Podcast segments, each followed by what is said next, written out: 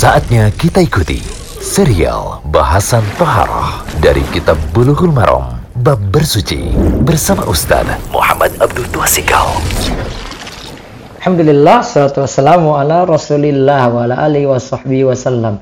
Kali ini kita masuk ke audio ke-7 dari pembahasan Bulughul Maram Kitab Toharoh masih tentang bejana.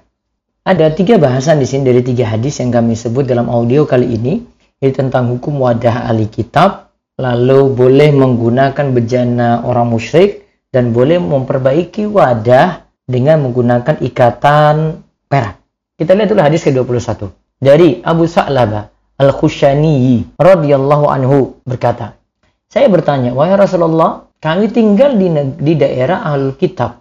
Pertanyaannya dia tanyakan, apa nakulu fi aniyatihim.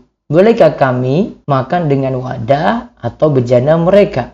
Ya, bolehkah kami makan dengan wadah atau bejana mereka? Kemudian Nabi Shallallahu Alaihi Wasallam itu mengatakan, "Qala la ta'kulu fiha illa alla tajidu ghairaha faksiluha wa kulu fiha." Muttafaqun alaih. Saya bertanya, wahai Rasulullah, kami tinggal di daerah Ahlul Kitab. Bolehkah kami makan dengan wadah atau bejana mereka? Beliau menjawab, jangan. Yaitu janganlah engkau makan dengan wadah mereka. Kecuali jika engkau tidak mendapatkan yang lain. Oleh karena itu bersihkanlah dahulu dan makanlah dengan bejana tersebut. Mutafakun alaih di sini diriwayatkan oleh Imam Bukhari dan Muslim. Jadi ingat ceritanya di sini ada sahabat yang ingin makan dengan wadah ahli kitab. Non muslim berarti ya Yahudi Nasrani. Nabi SAW tadi jawab apa? Jangan. Kecuali, nah Nabi beri syarat nih. Kecuali, satu, jika engkau tidak mendapatkan yang lain, berarti cuma wadah itu saja. Yang kedua, kalau mau pakai pun tetap dicuci dulu, baru bisa makan dengan wadah tersebut. Ya, faedahnya yang bisa kita ambil, hendaklah tidak makan dari wadah ahli kitab karena tidak karena mereka itu tidak berhati-hati. Mereka tidak berhati-hati dalam menjaga diri dari najis. Ahli kitab itu tidak menjaga diri dari najis.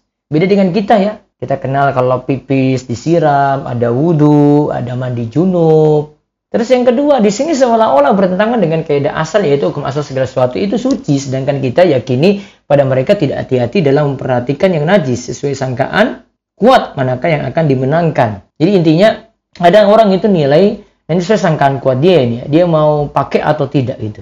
Yang masalahnya ini kan dari makan bisa jadi situ mereka makan babi, terus kita pakai wadah itu lagi. Kalau terpaksa saja tidak ada pilihan lain, namun harus dicuci. Nah, makanya dijelaskan selanjutnya masalah menggunakan bejana ahli kitab. Ini penjelasan dari Syekh Muhammad bin Shalih dan juga dari Syekh Abdullah Fauzan tidak boleh menggunakan wadah orang kafir kecuali jika memenuhi dua syarat. Satu, tidak ada wadah yang lain. Dua, dibersihkan atau dicuci terlebih dahulu. Syarat pertama itu diberlakukan agar kita bersikap warok atau hati-hati. Sedangkan syarat kedua itu mesti dicuci agar kita yakin bahwa wadah tersebut benar-benar telah suci. Satu hati-hati, satu yakini juga itu sudah suci. Namun perintah mencuci di sini bukanlah wajib, hanya anjuran. Kenapa dibawa ke hukum anjuran atau sunnah? Karena dalam surat Al-Maidah ayat 5 disebutkan bahwa, bahwa makanan ahli kitab itu halal untuk kita. Yang dimasukkan makanan di sini adalah sembelian mereka. Maka mereka tentu saja ada pada wadah mereka tadi. Lalu kalau wadah tersebut digunakan untuk wadah babi atau wadah minum homer gimana? Maka tetap wajib dicuci. Terus hadis ke-22 boleh menggunakan bejana orang musyrik dari Imran bin Husain radhiyallahu anhu bahwa Nabi Shallallahu alaihi wasallam dan para sahabatnya berwudu di Mazadah. Mazadah itu tempat air yang terbuat dari kulit hewan. Itu tadi kan kita sudah contohkan dulu itu di masa silam mereka gunakan wadah air semacam ini milik seorang perempuan musyrik, perempuan musyrik yang memiliki. Nah, dari sini, nah di sini mutafakun alaih ya, dalam hadis yang panjang. Faedah hadis, satu dibolehkan menggunakan wadah orang musyrik selama tidak yakin ada najis. Dibolehkan menggunakan wadah orang musyrik selama tidak yakin ada najis. Kemudian yang kedua, sucinya kulit hewan setelah disamak. Dan dapat simpulkan karena mazada itu adalah kulit hewan sembilan orang musyrik sebenarnya. Itu kulit hewan dari hewan yang mereka sembeli. Hal sembilan orang musyrik itu dihukumi bangkai. Ya. Ingat, itu dihukumi bangkai. Namun kalau sudah disucikan misalnya itu kambing ya, itu kambing sudah disucikan dengan cara disamak, maka jadi suci. Kemudian hadis yang terakhir yaitu bolehnya memperbaiki wadah dengan ikatan berbahan perak. Hadis ke-23 dari Anas bin Malik radhiyallahu anhu bahwasanya anna qadahan Nabi sallallahu alaihi wasallam inkasara. Bejana Nabi sallallahu alaihi wasallam itu retak. Fatakhadha makana sya'bi silsilatan min fiddatin. Lalu beliau menambal tempat yang retak itu dengan pengikat dari perak. Diriwayatkan oleh Al-Bukhari. Faedah dari hadis, satu, boleh memperbaiki wadah yang retak dengan ikatan atau potongan perak ketika butuh. Karena masalahnya ketika itu nampak. Ingat ya butuh ya, karena di sini larangannya tidak sekeras larangan emas ya. Emas lebih menunjukkan kesombongan. Kalau ini kan cuma ya butuh saja. Yang digunakan, yang kedua yang digunakan untuk menambal di sini adalah perak. Tidak boleh dengan emas. Karena emas lebih mahal dan lebih tegas dilarang.